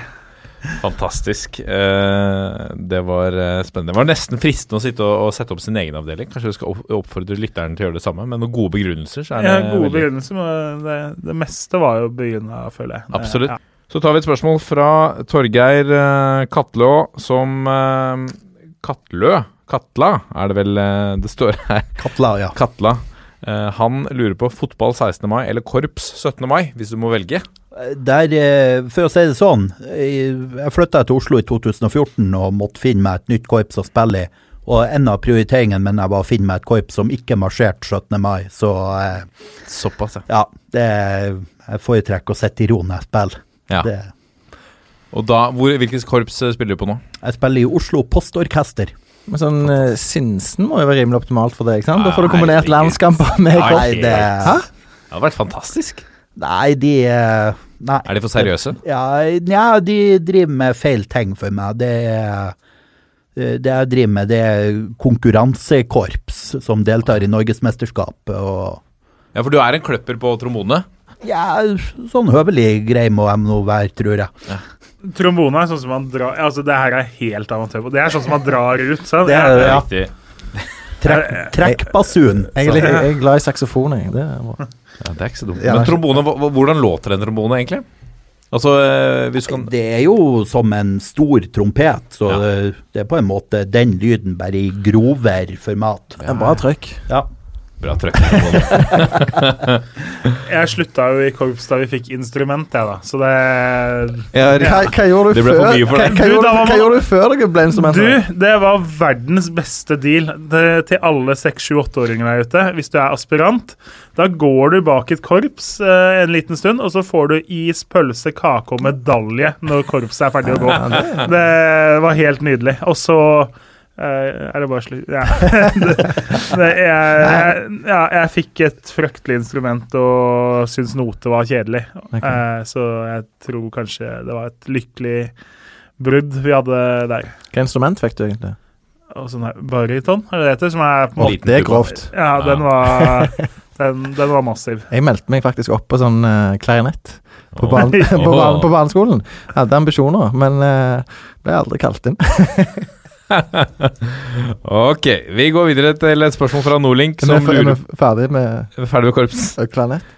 Ferdig med klarinett er vi ferdig med. Kanskje kommer med korps etter hvert. Hvem vet? Nordlink lurer på om du har fått en favorittbane? Jeg vet ikke om jeg kan utrope en enkelt bane som favorittbane, men jeg, flere jeg vil si er veldig fin. Sånn eh, Sander sin i Sør-Odal, de, det er bare et anlegg som jeg Det er mulig det var bare for at det var veldig fint vær den dagen jeg var der, men jeg syns det var veldig sjarmerende. og Greibanen her i Oslo syns jeg jo er helt suveren beliggenhet. Ja, Så du kampen fra toppen av Ja, fjellet? Nei, jeg har ikke vært på toppen av der. Jeg har bare sittet på tribunen og sett de som er oppe i eh, fjellveggen og ser eh, Er den som gamle Ålesund? eh, Nei, nei, nei det, er, altså, det er jo Å kalle det et fjell, nei, men det er jo da eh, en god Det er vel knaus. Ja da. eh, et steinbrudd? Det er et gammelt steinbrudd, det mener jeg der, er, uten Ja. at jeg har hele lokalhistorien. Så uh, rett bak banen så går du oppover, og så kan du komme deg opp på de her eh, ja, eh, anstendige knausene. Så du, da er det jo i hvert fall 30-35 meter over banenivå, og har da panoramaplass ned til banen. Eh, Og eh, jeg var for ikke så lenge siden, men eh, den har jeg lagt merke til mange ganger når jeg har kjørt forbi banen til Åkrene, som ligger mellom Fettsund og Lillestrøm. De har kanskje det mest fascinerende sånn innbytterbenk slash spikertårn slash fototårnbyggene, som er noe brakke som står stabla på skakke oppå hverandre. så det ser ut som du må ha egen risikoforsikring skal du være spiker oppi der. eh. Det syns jeg fan- Og så oppdaga jeg en annen bane nå i eh, sommer. eh, eh, Husøy og Foynland sin eh, bane eh, like utenfor Tønsberg, som ligger ved et sund imellom to eh, øyer. Den ene øya ligger i eh, Tønsberg kommune, og den andre i Færder kommune, som det heter nå, Nøtterøy. Sånn, og det var òg utrolig vakkert, rett og slett, eh, og idyllisk. Så det Har du vært på den eh, legendariske eh, banen som har fått mye oppmerksomhet i, i Lofoten? da? Nei, det har jeg ikke. Er det et mål for deg? Det hadde vært eh, fantastisk å komme seg dit og til Henningsvær. eh, men så vidt jeg vet, så spilles det ikke seniorfotball der fast, mm. så eh, Den, Så må- men den er faktisk nydelig, da. den er jo helt, Ja, er helt fantastisk. fantastisk. Men det er jo flere baner òg oppi havna i en liten Twitter-diskusjon eh, nå på vei hit, faktisk. eh, Der det var en som fortalte om en bane i Lofoten. Der når de spilte kamp der, så var det alltid en mann som satt eh, klar på sjøen med en båt. for, de hadde for å plukke opp ballene som havna eh, Det er stort. Ja. Bare oppklare en liten ting. eh, ingen som bryr seg, men jeg sa klarinett. Rett skal være rett. Jeg googla dette her nå. Kornett var det jeg Ja, eh, en liten opp på. trompet. Ja, stemmer. Klarinett er jo sånn fløytevariant, men det var jo ikke det. Nei, klarinett er ikke noe fløyte. Ikke det? Det, klarinett er jo, er jo egentlig mer beslekta med saksofon, som du sa du Ok, liker. for jeg bare googla begge delene, og så Ja. bare veldig kjapt så så jeg bare at det, det ligna på ei fløyte. Ja, den ligner jo på blokkfløyte. Sånn, Sånn, eh, ja. Men jeg skjønner jo at det er gjerne litt mer saksofon. Ja. Men greit. Christian A. Bakjord lurer på om det blir bok. Eh, ja, det er faktisk eh, flere som spør meg om det blir bok. Det, Du er glad i å skrive. Jeg liker jo å skrive sånn, men å sette i gang et sånn stort systematisk arbeid som ei bok, det ser jeg ikke for meg at jeg skulle gjøre. Hvis noen hadde hjulpet deg, Ja, da, da måtte like, Hvis et forlag hadde eh, ringt og sagt eh, det her syns vi virker som en kjempeidé, og vi vil eh, legge til rette for det, så hadde jeg vært villig til å diskutere det, men eh, det har aldri vært en ambisjon for meg å få til ei bok. Det må, vært, må være noen der ute som kan dra i gang en sånn aksjon på bidra.no, så samle inn her, sånn at vi får, eh, får ut dette, dette eksemplaret. Det tror jeg det er veldig mange som er interessert i. En oppfordring til eh, de som hører på. Eh, Ruben Danielsen lurer på hva er Han lurer rett og slett på den beste ferjesvela. Det, Da må vi kanskje oppklare for de som ikke vet hva en svele er. ja, Svele er jo en slags nesten som ei pannekake. Nå blir jeg jo sikkert hudfletta neste gang jeg viser meg på Vestlandet at det her er ikke noen pannekake. Men det er en sånn liten rund sak som er veldig god. Eh, serveres ofte bretta dobbelt med smørkrem og sukker i, imellom. Veldig godt. Og jeg kan jo røpe han Ruben eh, som har sendt inn det her spørsmålet, han kjenner jeg godt. Han er òg Tromsø-supporter. Og eh, grunnen til at han spør, den er jeg overbevist om at jeg vet hva er. Eh, andre påskedag i vår så var vi i Molde og så Molde-Tromsø. Etter kampen så var det rett i bil, eh, retning Oslo. Eh, når man kjører fra Molde til Oslo, så tar man eh, ferja et lite stykke rett etter eh, Molde. Der hadde de sveleservering, og av typen et brett som lå framme, så pakket du penger på en eh, boks og forsyn deg. Det var helt tillitsbasert. Eh, I ettertid så mistenker vi at de svelene kanskje hadde lyet litt for lenge på det brettet i vinduskarmen. For vi ble dårlige, begge to. Ja. Så eh, det er den lengste bilturen jeg har hatt i mellom Dombås og Oslo. Jeg tror vi stoppa på annenhver bensinstasjon og måtte inn på do. Så ikke bare har du vært mye arenaer i Norge, du har også fått med en del bensinstasjoner på, på Norge på tvers. Ja, det Neste bloggideen er bensinstasjoner. Bensinstasjoner. Bomba bensinstasjoner. Magnus eh, Magnus eh, Schaft lurer på om det er noen nevneverdige forskjeller på kampopplevelsen på typiske breddekamper i de tre nabokretsene Østfold, Oslo og Akershus. Nei, det vil jeg ikke si. Det er mest eh, det, Den største forskjellen er ikke mellom kretsene, det er mellom by og land. Ja. Det er en breddeklubb i byen eh, sliter som oftest med å mobilisere eh, lokalsamfunnet sitt, fordi at eh, de som er fotballinteressert, er interessert i byens eh, toppklubb. Mens en breddeklubb på landet er, som jeg var inne på i stad, det er bygdas stolthet. Og når de spiller kamp, så er det det som, som er greia. Mens eh, internt imellom de kretsene så eh, jeg vil jo si at Akershus og Østfold er mest sammenlignbar sånn sett, eh, og da eh, klarer jeg ikke å se noen sånn umiddelbare forskjeller. Nei. Sven Karlsen lurer på om du har sett Birkebeineren live. Eh, nei, men uh, nå førstkommende lørdag uh, har jeg ennå ikke bestemt hvilken femtedivisjonskamp jeg skal se klokka fire i Buskerud. For det er stort sett det eneste som skjer klokka fire på lørdag. Det er femtedivisjon Buskerud. Så da har jeg fire kamper å velge mellom, og en av dem er da Åskollen Birkebeineren. Så det kan hende. Er det en arena du har besøkt? Nei, altså de fire kampene jeg har landa på, det er på arena jeg ikke har vært. Så, eh, så det blir en av de. Så kommer det et spørsmål her fra, fra Kenneth Sørensen, som er eh, eh, et litt sånn teknisk spørsmål. Bør breddeklubbene endre billettsystemet over til VIPS, slik at man selv kan bestemme hva man kan betale for kampen? Flere kamper jeg ser som ingen tar billettpris. Klubbene trenger jo sårt inntekter. Er dette en god eh, idé, karer? Ja, altså Det er jo sympatisk at uh, jeg, altså, nedover i divisjonene det Fra femte og nedover så skal det være noen svært spesielle anledninger for å ta betalt, mener jeg, da. Ja, men en tier her og en tier der. Ja, liksom. men, ja, ja, altså, men eh, Ja, altså, hvorfor ikke?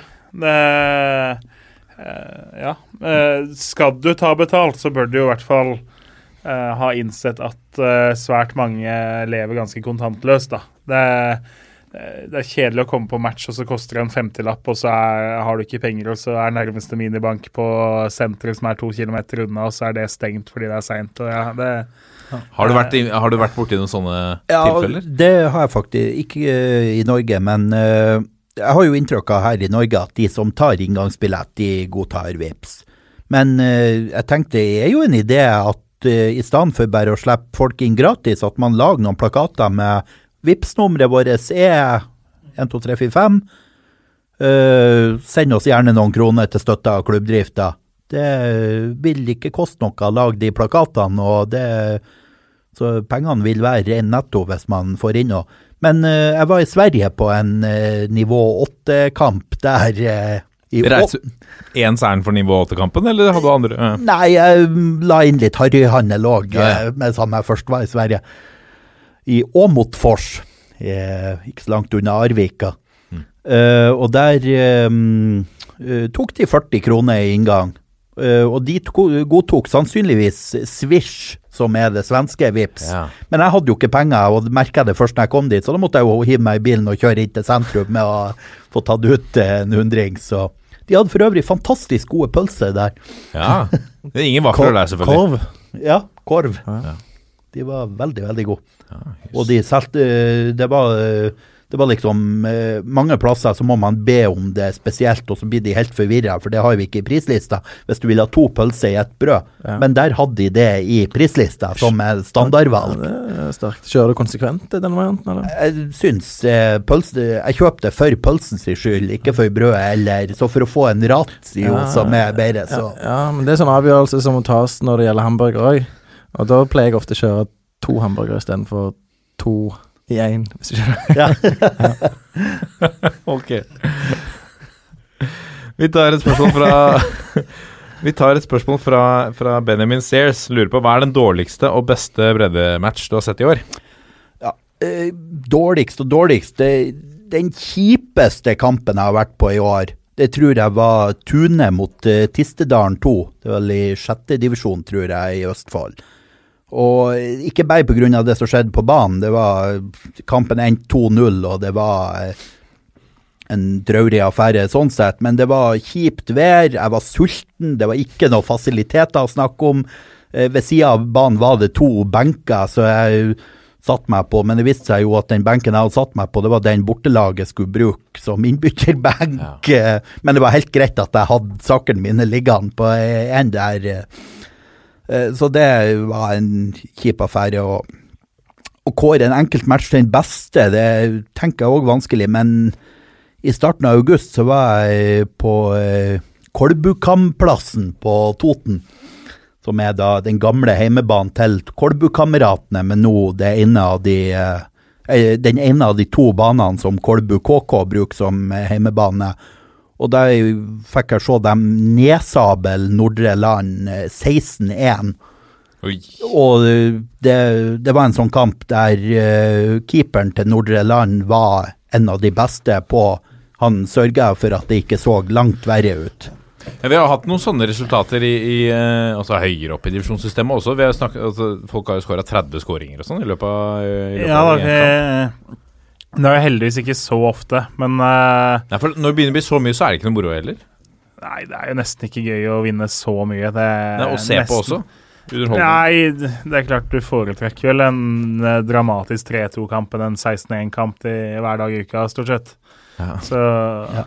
Uh, og det er, det er jo topp mot bunn. Da. Så I fjerde liv så kan det jo skje at du får tosifra fordi uh, det skiller en del fra de beste til de veldig dårlige. Og Nordre Land og Søndre Land eh, har vel til sammen eh, sluppet inn veldig mange mål og tatt veldig få poeng. Så eh, ja. eh, tungt, eh, tungt på land i år. Ja. Ja. Stian Bø lurer på om hvordan eh, Han lurer på hvordan ser en perfekt fjerdedivisjonsarena med tilhørende bygningsmasse og omgivelser ut? Har du ekspertisen for å uttale deg om dette sånn byggeteknisk? Ja, jeg, tenker man må ha ei tribune, eller eventuelt et naturlig høydedrag langs banen. Da går det fint uten uh, tribuner, men at man kan komme litt opp hvis man ønsker det. Uh, helst skal det være naturgress, ikke løpebane rundt.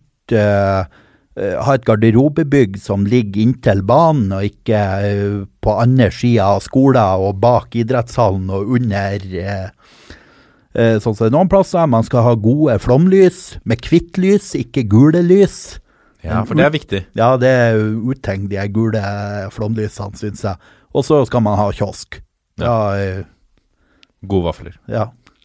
Og eh, ja, jeg, vil- legge til der, i, i Lyslund i Horten så har de montert uh, lyskasterne mellom stadion og publikum. Sånn at hvis du sitter, så ser du direkte Altså du, du, du kan ende med å sitte direkte bak den ene lyskasteren. Og da, da Det er jo veldig irriterende i synsfeltet. Det er veldig mange plasser de har eh, sånn lysmaste med en sånn trafogreie, et trafoskap oppe Ja. på masta som dekker en uh, stor del, og det er Tankeløst oppsett. Ja, det er litt uh, På eh, hjemmebanen til Vestli så har de eh, Der har de unnsluppet det, der har de et separat sånn større trafoskap som dekker alle masten. Men til gjengjeld har de plassert det rett foran tribuner. Ja, Ja, riktig. eller eh, så det Men der eh, har de Der har jeg vært i kontakt med dem, og de har sagt at de jobber med å få det flytta. Men det er jo en større elektrikerjobb som må gjøres da, å strekke kabler på nytt mellom masten og Ja. Eh, Espen Johansen eh, lurer på hvordan skal du få besøkt SKS Arena nå som Stålkameraten ikke skal møte Sprint der lenger? Ja, det Det fine med groundhopping, eller banehopping, det er jo at det er irrelevant hvem som spiller. Så jeg kan nok garantere han Espen at eh, jeg blir å finne ei anledning til å komme meg til Fauske og se eh, sprint på den nye arenaen deres etter jeg har flytta nordover igjen. Ja, for du har planer om å flytte nordover? Jeg skal flytte nordover igjen. eh. Og da, for, for nå ser du veldig mye bredde på Østlandet. Er det, har du like stort spenn på Det er jo ikke like mange klubber eh, lenger Nei, eh, jeg starta jo med det her virkelig etter at jeg flytta sørover, og, eh, og det ser jeg jo at det blir vanskeligere å, å holde på sånn som nå og få eh, 90 nye baner i året når jeg har flytta nordover. Så jeg må jo bare peise på mens jeg er sørpå og få så mange som mulig da. Ja. Siste spørsmål som vi tar med i, i sendinga. Har du fra Dag Vegel, har du heva de 50 kronene du har i kreditt i kiosken på Gjellum i Heggedal? Ja, eh, nei, det har jeg ikke. Og, eh, eh, men jeg må jo komme til Gjellum igjen og få sett eh, kamp der, og forhåpentligvis ei anledning med litt bedre vær enn sist jeg var der. Det var eh, det var sånn at alle som var på tribunen, det var ikke veldig mange, men alle satt omtrent som skilpadde og prøvde å trekke hele kroppen inn under en paraply. Det, var, eh, det var en trist høstdag. eh. Jeg tror det var Heggedal mot Fremad Famagusta jeg så da jeg var der. Ja, riktig. Fremad Famagusta har hatt et par eh, De har stilt med en del sånne kjente spillere. Jørgen Jalland har vært her. Han man om han, han har gjort Ja, der. så har de Derek jo han, eh, hatt en spiller på høyrebekk eh, som har vært god til sjakktrekk på banen. Ja, det stemmer. Magnus Carlsen. Magnus Carlsen. Han har vel figurert mest for andrelaget deres, stort sett. Men Jeg var faktisk og så en lagkamp Ja. med førstelaget han spilte nå i år på Nesodden. Eh, og det var litt interessant, for da fikk Fremad Famagusta uh, straffespark. Og alle eh, supportere for heimelaget på under 15 år roper 'Magnus, Magnus, Magnus' for å få han til å ta straffen. Men det ble ikke han som tok den, da. Nei. Men Ja. uh, jeg syns han spilte bra. Ja, en, ja, jeg har hørt fra flere. En, Ja. en habil Ja, fotballspiller. jeg har faktisk spilt litt med han på, på, I forbindelse med jobbturer med, når han har spilt sjakk og sånn, så han er, han er ganske bra. Teknisk. Ja, brukbar Han er sånn allrounder. Brukbar Mm. teknikk, eh, fin fot eh, og klokt hode, vet du. Dette er toppfotball. Og da skal vi ha Og dette er jo morsomt, for dette har blitt en sending i breddefotballens tegn. Men likevel så setter vi av tid til eh, den faste spalten eh, Breddenytt ved Jørgen så god. Ja, og da har vi jo Vi skal til Hordaland, og vi skal til laveste nivå, eh, som er syvende divisjon der. Hvor det jo oppstod en meget snodig variant som ikke NFFs regelverk har tatt høyde for. Fordi har du flere lag, altså flere A-lag, så kan eh, opptil flere av dem spille på laveste nivå eh, i den kretsen. Det gjør da Løvham 1 og Løvham eh, 2. De har spilt i hver sin syvendedivisjonsavdeling i år. Eh, og så endte begge på opprykksplass. Eh, og, da, og det er jo på en måte Altså, det er veldig mange om og men og ting her, da. Eh, og så i tillegg så har da eh, Trått, som jo er på Stord, vel, de har hatt ett lag på laveste nivå i Rogaland fotballkrets, og et annet på laveste nivå i Hordaland fotballkrets, som egentlig begge skulle rykke opp. Eh, og så har de da blitt enige eller fått til at det laget som spiller i Rogaland fotballkrets, eh, skulle rykke opp på bekostning av laget som spilte i Hordaland. Eh, da begynner sausen. Men så er det sånn da at hvem skulle opp av Løvham 1 og Løvham 2? Eh, og da tenker man jo at ja, men det kan de bli enige om på egen hånd. Eh, det er jo ikke så nøye, så får de heller ta de 15 mest motiverte for å spille sjettedivisjon og de 15 minst for Altså, bli enige innad, da. Men det her har jo følge for de andre lagene i avdelingene.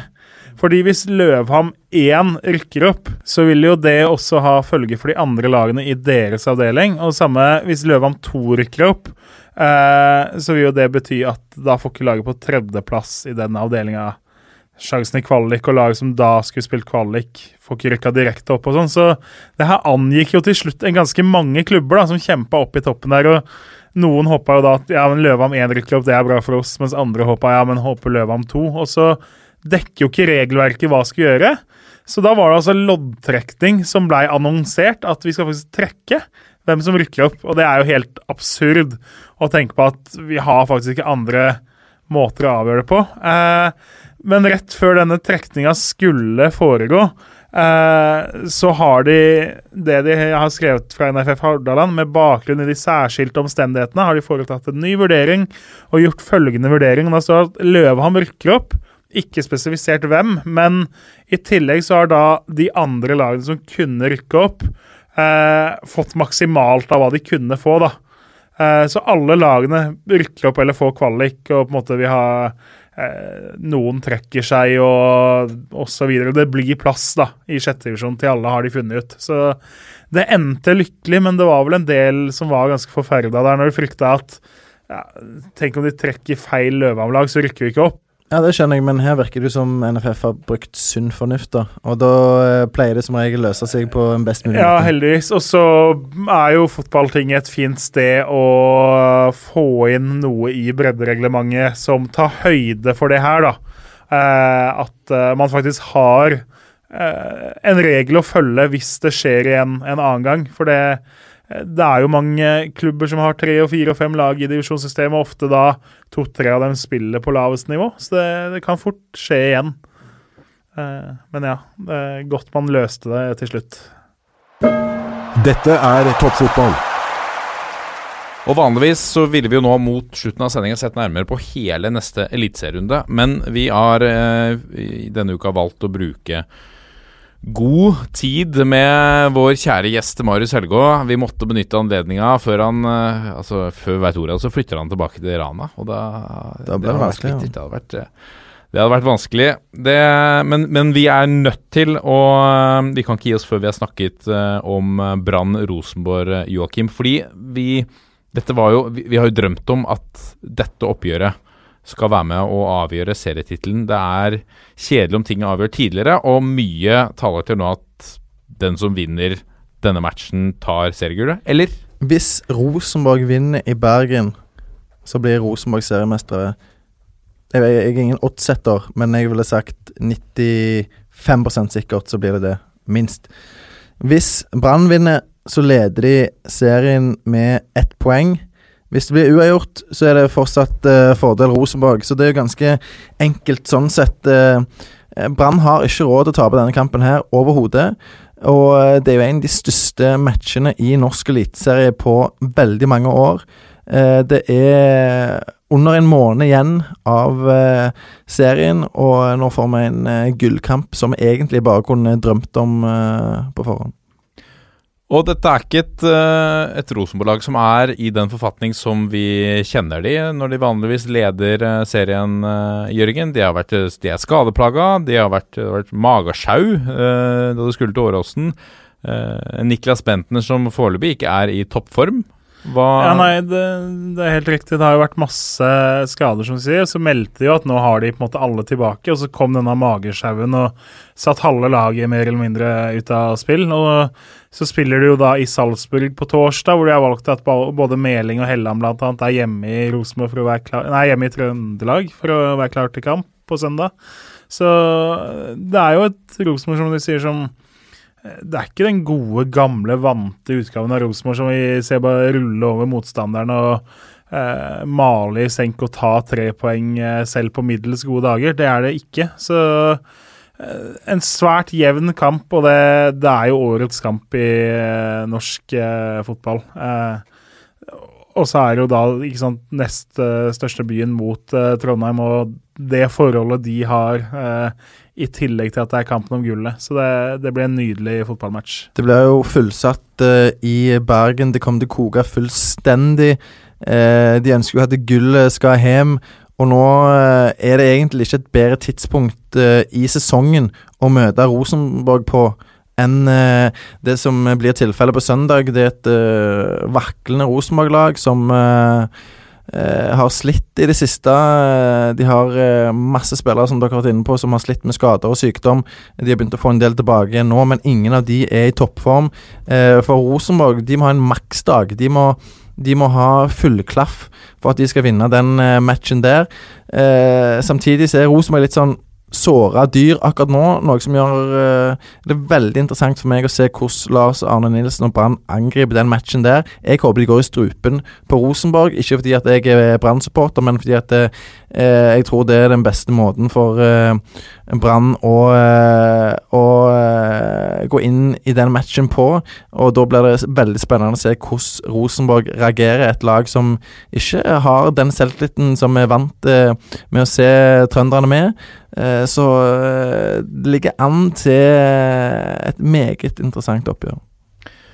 Brann mangler jo eh, eh, Fredrik Haugen, som fikk et klønete gult kort mot eh, Stabæk sist. Eh, feilaktig idømt ifølge han selv. Eh, det snakkes om Altså Tidligere når de har samlet han, så har de putta inn eh, Ordagic på, på midtbanen. Nå er vel han også ute.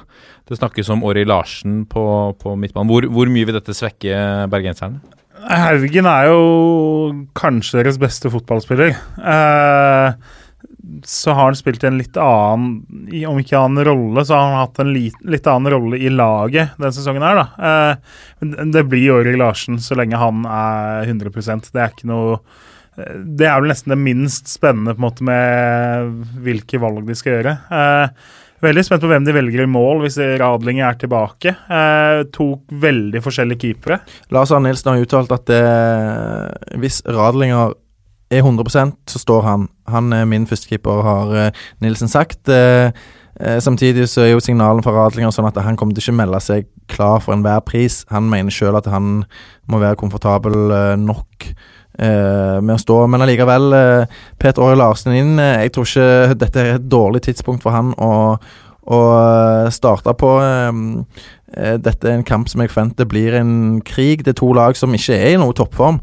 Eh, og da er det første bud er å vinne eh, dueller og eh, vinne krigen. eh, og for, for på den måten å, å vinne matchen. Så eh, å starte med to krigere i Barmen og Petter Åre Larsen tror jeg bare kan, bare kan være gunstig for Brann, selv om de selvfølgelig eh, vil ønske at eh, Fredrik Haugen var kampklar. Ja, det er ikke noe dum mann eh, å, å starte med Midtmannen. Altså, han, han står med fem skåringer. Det er bare Og matchvinner, Kolvik ja, og, som og matchvinner Pål Lerkendal i det motsatte oppgjøret i vår, så eh, Petter Øy Larsen, han vet hva Eliteserien handler om. Han eh, er en mann eh, du kan stole på, så jeg blir ikke forundra om han avgjør det oppgjøret òg.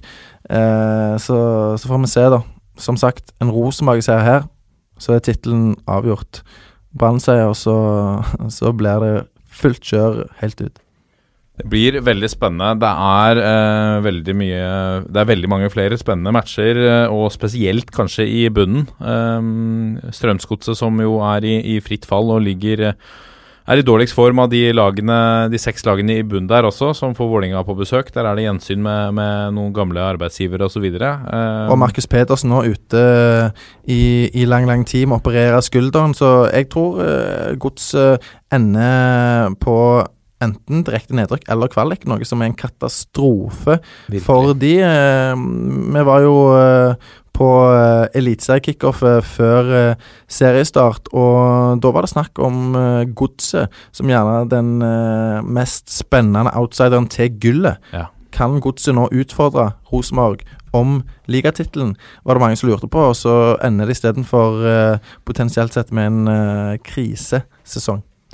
Viktig sekspoengsoppgjør i Bodø også. Bodø-Glimt-Stabæk. Eh, Lillestrøm eh, jakter nye poeng for å unngå nedrykk mot Ranheim, som på sin plass eh, jakter vel plasser høyere opp på tabellen.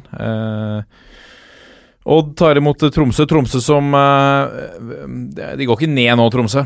Nei, det tror jeg den fantastisk gode vårsesongen eh, sikra oss mot. Men uh, som supporter så jeg har jeg jo fortvilt over uh, den høsten vi har hatt. Det har vært uh, Man har hatt et skyhøyt toppnivå, men et altfor lavt bunnivå. Så, så jeg, tror, jeg tror nok vi har holdt oss unna nedrykksstriden. Ja, jeg tror nok du kan slappe greit av det syv poeng ned til kvalik for uh, Tromsø med tolv poeng igjen å spille om, så det bør nok gå helt fint. Men Stabæk, Godset, Lillestrøm, Bodø-Glimt og Start, der eh, er det eh, nerver i uh, høyspennen.